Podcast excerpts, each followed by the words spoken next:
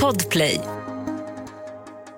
Du vet väl om att du kan lyssna på avsnitten av Fallen jag aldrig glömmer en dag före alla andra. Redan på torsdagar kan du lyssna på podden på podplay.se eller i appen Podplay. Och naturligtvis är det gratis. Jag tänker att hon hade en himla tur som kom ut därifrån. Det var såklart förfärligt att vara där under sex dagar. Fasansfullt. Men hon trodde ju att hon inte skulle överleva det här helt enkelt. De valde själva att fly från platsen och i samband med det så försökte vi helt enkelt stoppa dem. Den födelsedagen firades inte, utan eh, han är ju död. En bil som är precis likadan. Så jag åker förbi den och tittar in och ser att helvete också, det är ju, det är ju dem. Det är ju unikt såklart. Vilken masterplan. De blev grundlurade. De gick rakt i fällan.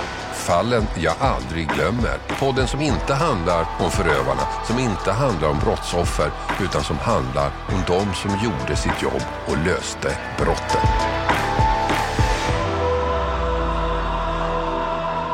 Bunkerläkaren.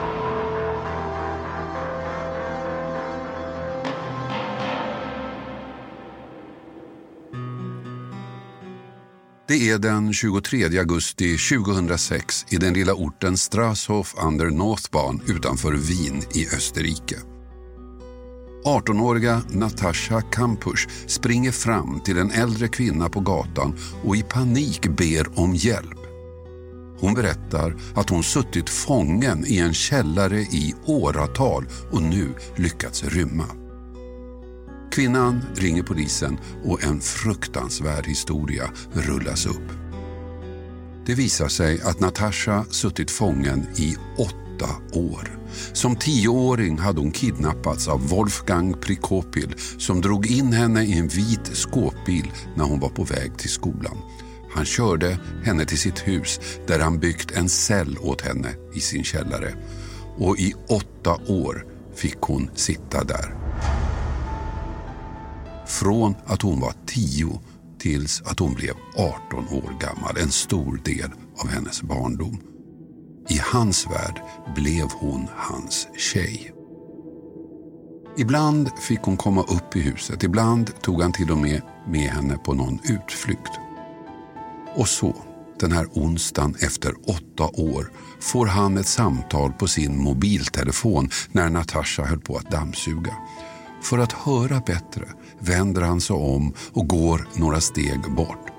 Och där och då uppstår ögonblicket, det som kom att ändra allt. När Natasha såg att hon för ett kort ögonblick var osedd la hon dammsugarmunstycket på golvet, lät dammsugaren vara på och smög ut ur huset, ut mot friheten. Och allt rullades upp. Några dagar senare tog Prikopil sitt eget liv. Den här händelsen väckte förstås stor uppmärksamhet över hela världen men också många frågor. Varför hade Prikopil valt just Natasha? Varför var det just henne han kidnappade? En slump eller var det ett medvetet val? Det gick också rykten om att det skulle funnits kopplingar mellan gärningsmannen och Natashas familj. Men allt det här överskuggades av det som hände bara två år senare. Också det i Österrike. Också det en kvinna som hålls fången i en källare. Men det här fallet var värre, oerhört mycket värre. Den här kvinnan, Elisabeth Fritzl, hade suttit fången i 24 år och utsatts för sexuella övergrepp och fött barn. Sju stycken. Och han som utsatt henne för allt detta, han som låst in henne, hållit henne fången och gjort henne med barn, var hennes egen pappa, Josef Fritzl. Och samtidigt som allt det här hände i källaren bodde pappan tillsammans med mamman i husets övre plan och mamman visste ingenting, sa hon i alla fall. Men hon måste ju ha tyckt det var märkligt när tre av de sju barnen dök upp hemma hos dem. Efter att Elisabeth blivit fri dömdes hennes pappa till livstidsfängelse och Josef Fritzl har blivit synonym med en person som kidnappar och håller fången. När liknande händelser inträffar refereras det alltid till honom. Och precis som den förövare jag ska berätta om idag kan Fritzl gå fri i år. För sju år efter den här händelsen höll vi på att få vårt svenska fall. Allt var förberett in i minsta detalj. Bunken var byggd. Det tog fem år. Offret utvalt. Planen för bortförandet genomförd steg för steg. Tanken var att den tillfångatagna kvinnan skulle sitta i bunkern i åratal, kanske resten av sitt liv. Men så faller allt på en liten detalj, en rutinmässig åtgärd, ett standardförfarande som gärningsmannen inte kunde förutse. För polisen, för utredare och för åklagaren börjar historien den 18 september 2015. Klockan är ganska sent på kvällen, runt halv tio, när en man och en kvinna kommer in på polisstationen Norrmalm i Stockholm. Hon går fram till disken medan mannen håller sig lite i bakgrunden. Vad ingen på polisstationen vet är att han är beväpnad. Han har en pistol på sig. Kvinnan säger att låset i hennes lägenhet blivit utbytt och att det på dörren stod en lapp att hon skulle kontakta polisen. Och när polismannen slår hennes namn i datorn så ser han att hon är anmäld försvunnen och det är anledningen till att kolven i hennes lås byts ut. En normal rutin, berättar åklagare Peter Claesson som kom att få fallet på sitt bord. Det är sedvänja att man gör så för att eh, om personer som är försvunna återkommer till sin lägenhet och inte kommer in så brukar de höra av sig till polisen om de får reda på det. På så sätt så är det många som ger sig till känna annars kanske man låter bli att kontakta polisen. Mm. Och så gick det till här. Och där, på polisstationen, säger hon alltså att hon vill ha tillgång till sin lägenhet igen. Syftet var att, att hon skulle få tillträde till lägenheten, att hon skulle säga att hon mådde bra, det var ingen fara med henne och att nästan var lite grinig då, att man hade bytt lås. Men och då var ju den här mannen med inne på, och det här finns ju på film, och, eh, men då är det någon polis som tycker att det här verkar lite märkligt så, så att vi vill prata med dig i enrum. Och då får inte han följa med. Han försöker följa med men det, det får han inte. Polismannen blir alltså misstänksam. Det är något som inte stämmer. Så han ber därför kvinnan följa med in i enrum för att fortsätta prata. Och där inne är det en helt annan historia som kommer fram. Och när dörren är stängd då mer eller mindre, jag tror att hon uttryckte sig ungefär som att då bröt hon ihop helt enkelt och berättade om det här. Och sen en stund senare så kommer det ut fyra, som jag minns det, uniformerade poliser och griper den här mannen. Då. Gripandet blir odramatiskt. Mannen försöker inte hota med sitt vapen utan pistolen hittas i hans väska efter att han gripits. Det här sker på fredagen. På lördagen ringer Peter Claessons chef och ber honom ta ärendet. Ja, det var min eh, vicechef som eh, ringde mig på en lördag förmiddag och berättade om att vi hade fått det här ärendet i Citykammaren som jag jobbade på vid den tiden. Då. Och eh, då bestämde vi att vi skulle handlägga det här ärendet i särskild ordning då, och inte på vår jourverksamhet. Utan jag tog över förundersökningen direkt. Mm. Hur långt hade man kommit då? Vad visste du då? Ja, man visste att det fanns en, en, kvinna som hade varit frihetsberövad, påstod hon, och att man hade gripit en person och den personen var anhållen. Man hade också kontrollerat att det, att det fanns eh, det som sen kallades för bunkern. Och det kan väl säga att det här med bunker, det är någonting som kommer från den misstänkte själv. Mannen identifieras i samband med att han grips. Han heter Martin Trenneborg. Han är 37 år, jobbar som läkare och bor på en gård i nordöstra Skåne. Och där, på polisstationen direkt efter att han gripits, erkänner han allt. Han har åkt upp till Stockholm och drogat ner kvinnan. Han har kört henne hela vägen från Stockholm till Skåne och han har satt henne i sin specialbyggda bunker och tänkt ha henne där länge, i flera år, kanske resten av hennes liv. En helt otrolig historia, tyckte Peter Claesson. Ja, först tror man knappt att det kan vara sant. Att, alltså, man, man får ju sådana här associationer till Österrike och, och den här Fritzl till exempel. Eh, något sånt här ärende, mig vetligen har vi inte haft i Sverige innan i alla fall. Eh, men, men eftersom polisen eh, uppdrog till kollegorna i Kristianstad då, att man åkte ut den här platsen och gjorde husrannsakan och man fann i den här, den här eh, bunken då. Och eh, som jag minns det så lämnade nog den här den misstänkte personen koderna till polisen så att man kunde gå in och titta att den, att den verkligen fanns. Och den berättelse som växer fram saknar motstycke i svensk kriminalhistoria. Den är som hämtad ur en skräckfilm.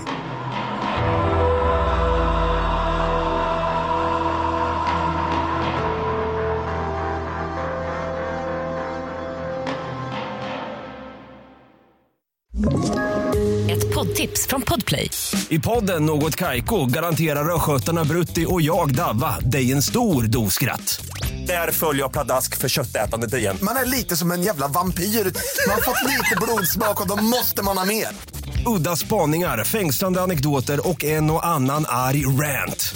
Jag måste ha mitt kaffe på morgonen för annars är jag ingen trevlig människa. Då är du ingen trevlig människa, punkt. Något Kaiko, hör du på Podplay. Därför är Martin Trenneborg tog kontakt med kvinnan på nätet den 10 september 2015. Hon jobbar som eskort och de stämmer träff hemma hos henne samma dag.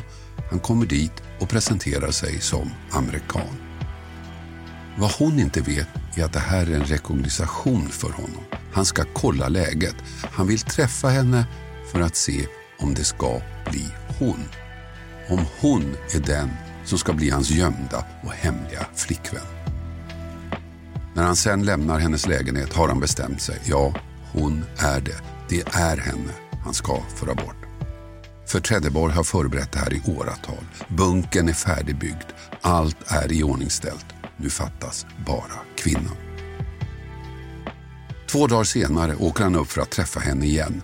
Nu har han all rekvisita med sig, allt som behövs för att genomföra sin plan. Han har med sig jordgubbar och champagne preparerade med droger.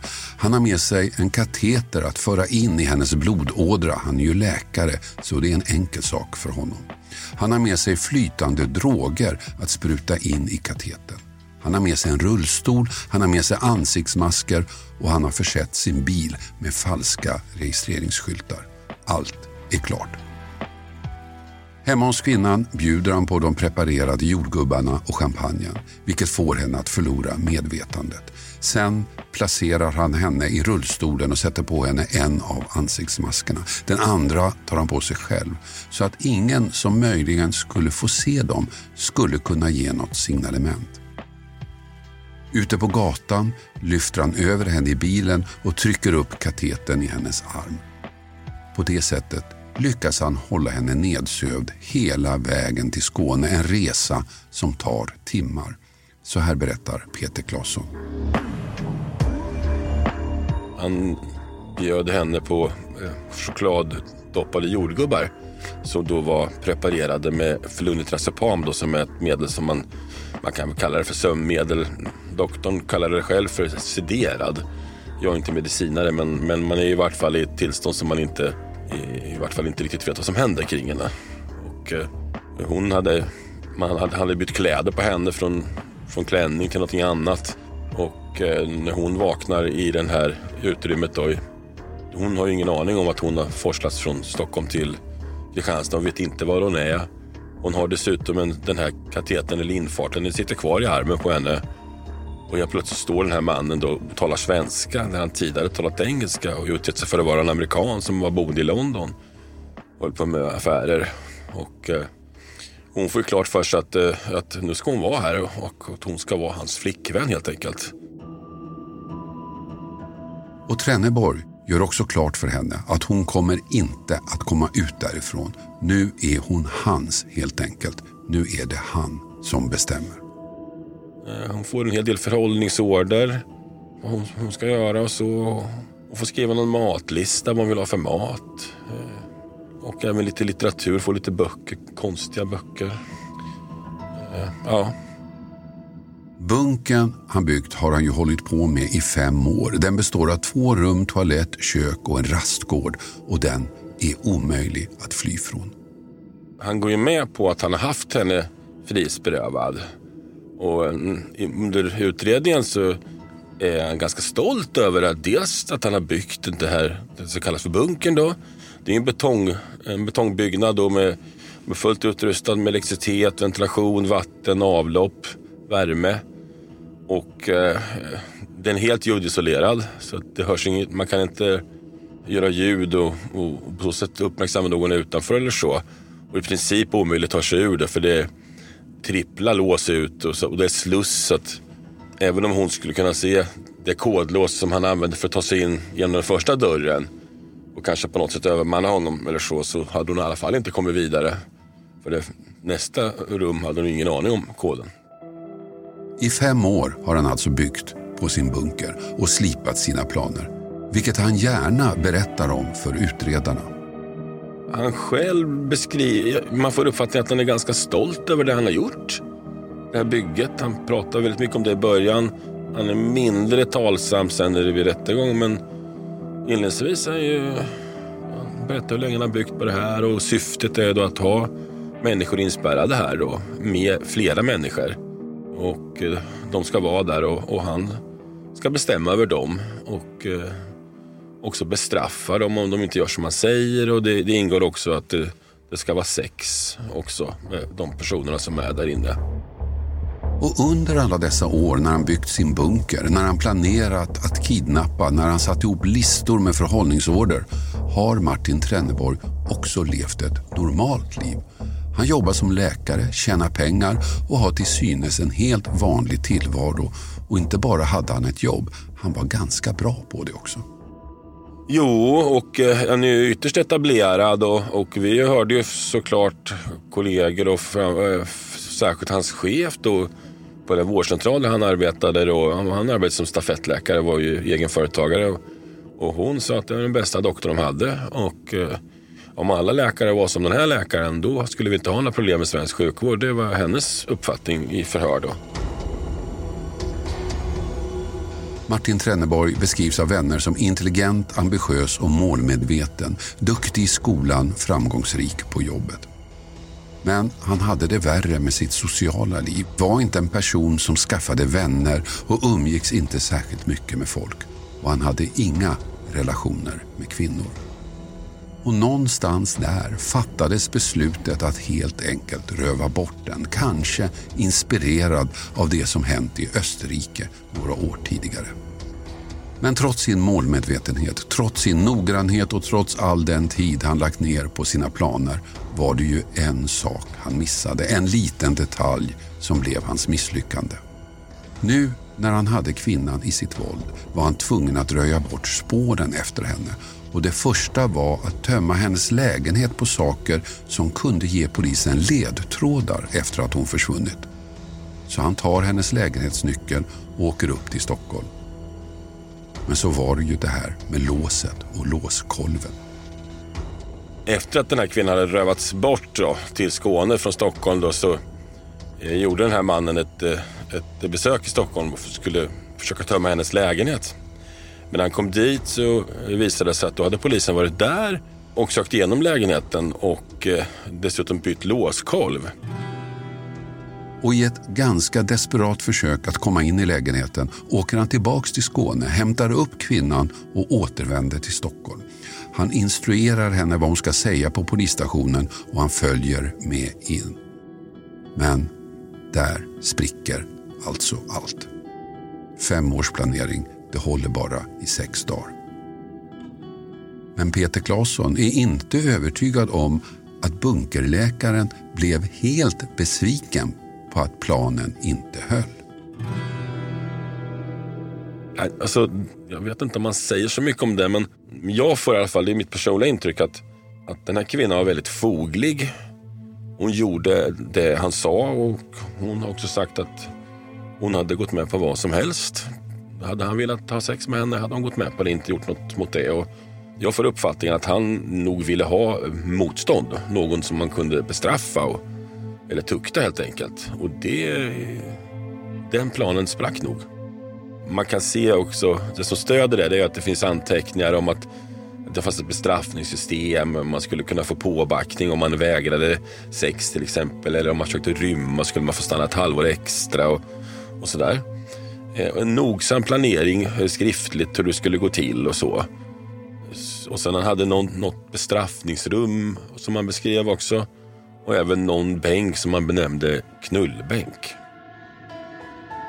På pappret ser det ut att bli en ganska problemfri utredning. Ett offer som har en klar och tydlig berättelse. En gärningsman som i princip bekräftar allt det offret säger och erkänner allt. Men trots det måste utredningen vara noggrann. Ja, mitt jobb blir ju att kontrollera och se till att vi säkrar den bevisen som finns. Och, och det är ju dels den tekniska utredningen då såklart. Och se till att dokumentation sker. Eh, och även fatta beslut om husrannsakan där vi då beslagtar föremål. Det finns ju bland annat eh, en, en PVK, heter det, perifer venkateter, alltså en sån här infart i kroppen då, som man sätter bland annat i, man kan sätta det på handen eller i armveck eller så, på andra ställen också. Och eh, det finns också lite, lite tussar med lite blod på eh, allting som ska kunna säkra upp. Det hittas också en ja, lite andra bevismedel också. Som, eh, det fanns ju också misstanke om en grov våldtäkt här. Som, eh, det fanns viss bevisning kring det. Eh, och sen alltså, utifrån de förhör som ja, försöka få fram så mycket bevis som möjligt. Då. Och för Peter Claesson var det viktigt att själv åka ner och titta på bunken. Ja, när jag kom dit, då var jag tillsammans med, med polis. Men då pågick det teknisk undersökning där, men de släppte in oss. Och Ja, alltså det, för mig blev det verkligt då när jag var där. Och det, det, det var ju väldigt, jag kan förstå att den som blir inlåst på sån här ställe, eh, måste, det måste ju vara en fasansfull, fasansfull upplevelse. Oerhört obehagligt och känna sig maktlös och väldigt rädd. Och jag tyckte att det var obehagligt även fast jag var ihop med poliser så var det obehagligt. Och det, det kan jag, jag tyckte även att rätten gav uttryck för det utan att de sa någonting. Men man kan ju se på kroppsspråk och annat att man bara komma in där var ju liksom eh, otrevligt.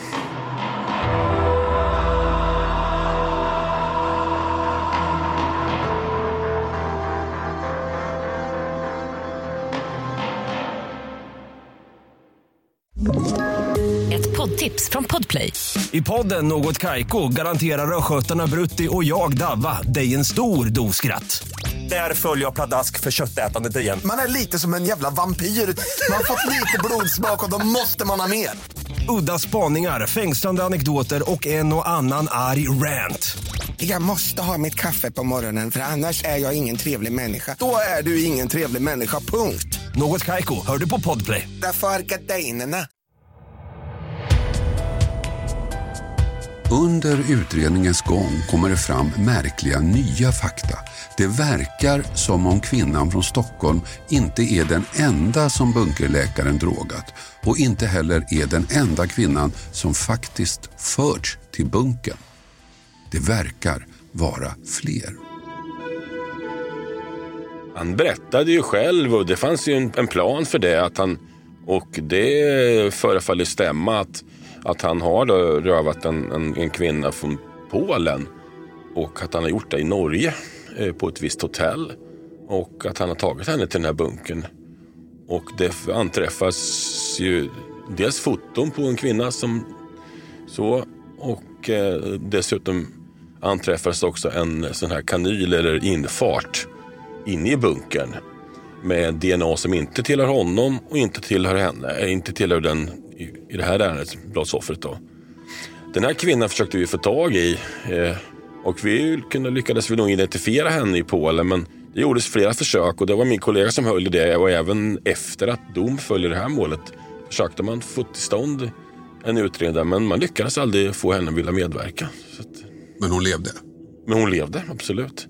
Sen så hittar man ju lite bilder på, på andra personer och det föreföll vara bilder från Danmark i, i hans besittning. Där människor föreföll drogade och lättklädda.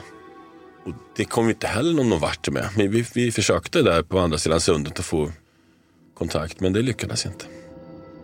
Nej, även om det fanns uppgifter som tydde på fler offer lyckades utredningen inte komma framåt. Så när rättegången började i tingsrätten handlade den enbart om Stockholmsfallet. Det blev ju stängda dörrar till att börja med. Och det berodde ju på att mannen åtalades för en grov våldtäkt också som man i och för sig frikändes för då. Men jag tyckte att det var väldigt, det var ju en stark berättelse från, från målsägaren eller brottsoffret.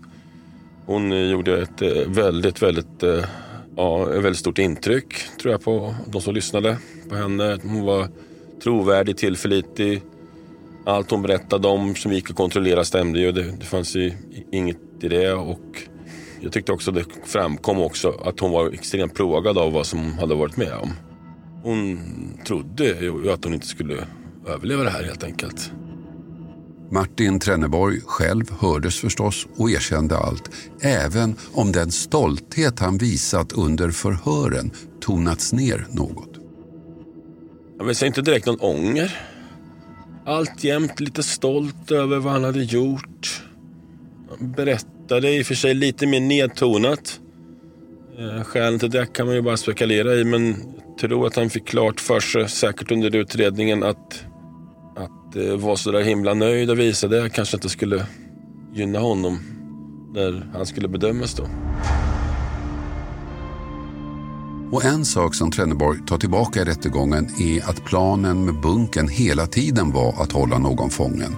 Nej, nu hävdar han att syftet var ett annat från början.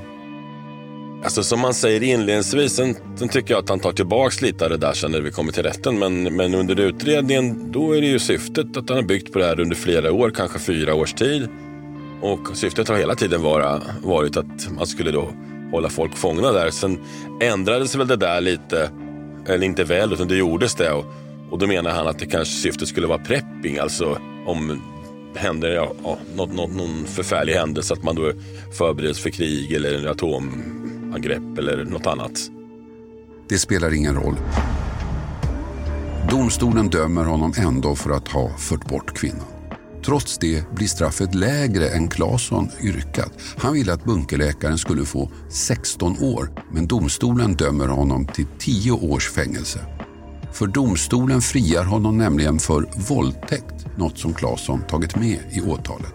Han berättade för henne i bunkern första kvällen där att han hade haft sex med henne i Stockholm innan de åkte ner. Och det fanns en del bevisning kring det. Och jag tyckte att den var ganska stark. Och jag, jag, min bedömning var ju att det skulle bli en fällande dom, annars hade jag inte väckt åtal. Och i hovrätten gick det ännu sämre. Där får Trenneborg åtta års fängelse. Orsaken? Ja, att Trenneborg skulle förmodligen bli av med sin läkarlegitimation. En något märklig omständighet för att sänka straffet, tycker Peter Claesson. Alltså, om jag läser hovrättens dom så beaktar man att han förlorar sin läkarlegitimation. Och eh, det finns ju regler i brottsbalken om att, att om man förlorar sin anställning så, så kan man beakta det på något sätt i, i, i straffmätningen. Då. Sen kan man ju ha uppfattningar om det lämpliga att dra av så mycket som två år. Och man kan väl också ha uppfattningar om att om en läkare använder sina medicinska kunskaper för att kunna genomföra ett brott så är det väl kanske naturligt att man inte ska få fortsätta som legitimerad läkare. Och att man då skulle få ett minskat straff för det. Nu finns ju den möjligheten i lagen men jag kan förstå att man kanske har synpunkter på det. En annan orsak till de olika domsluten skulle ju kunna vara att hovrättens ledamöter inte ville åka till bunken och se den själva. Tingsrättens ledamöter hade ju gjort det och var märkbart berörda men hovrätten sa alltså nej. Ja, hovrätten valde att inte åka till eh, bunkern. Man tyckte att det räckte med att eh, man tittade på film. Eh, jag hade ju yrkat att man skulle titta på den men jag är övertygad om att man hade fått en annan, en, en mer heltäckande bild utav gärningen om man hade, om man hade varit i punken och tittat i den. Det, sen kanske det, ja hovrätten är ju vana att göra bedömningar så att jag ska inte kvälja det. Utan, men, men för egen del så tyckte jag i alla fall att för mig så vart det en annan dimension av att, att ha varit där. Han planerade att hålla den bortrövade kvinnan fången i åratal. Han förberedde också brottet i åratal men fick bara åtta års fängelse och är nu som sagt på väg att släppas ut eller är möjligen redan frisläppt. Så nu kan han börja leva sitt liv igen. Men det kanske blir svårt i Sverige. Ja, å andra sidan så är det en person som talar flytande amerikanska och eh, är medicinskt utbildad. Jag tror, jag tror att han absolut kan ta sig fram. Kanske inte i Sverige som läkare, men i andra länder i alla fall. Det, det kan jag inte hålla för uteslutet. Det har nu gått ganska många år sedan det här hände. Peter Claesson har haft många andra ärenden sedan dess. Men det här fallet tänker han ofta på hur det skulle kunna ha gått. Jag tänker att hon hade en himla tur som kom ut därifrån. Det var såklart förfärligt att vara där under sex dagar. Fasansfullt. Men hon kom ut därifrån i alla fall. Kvinnan själv har i flera intervjuer berättat om händelsen, bland annat hos Skavlan i TV. Hon gick då under namnet Isabelle Eriksson, ett namn hon inte längre har.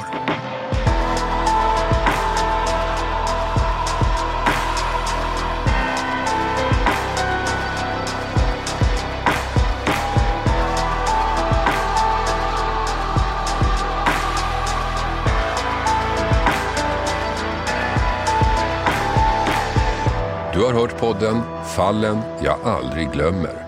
Klippning David Davva Persson. Och jag heter Hasse Aro. Du vet väl om att du kan lyssna på avsnitten av Fallen jag aldrig glömmer en dag före alla andra. Redan på torsdagar kan du lyssna på podden på podplay.se eller i appen Podplay. Och naturligtvis är det gratis. Podplay, en del av Power ett poddtips från Podplay. I podden Något Kaiko garanterar östgötarna Brutti och jag, Davva, dig en stor dos skratt. Där följer jag pladask för köttätandet igen. Man är lite som en jävla vampyr. Man har fått lite blodsmak och då måste man ha mer. Udda spaningar, fängslande anekdoter och en och annan arg rant. Jag måste ha mitt kaffe på morgonen för annars är jag ingen trevlig människa. Då är du ingen trevlig människa, punkt. Något Kaiko, hör du på Podplay. Därför är gardinerna.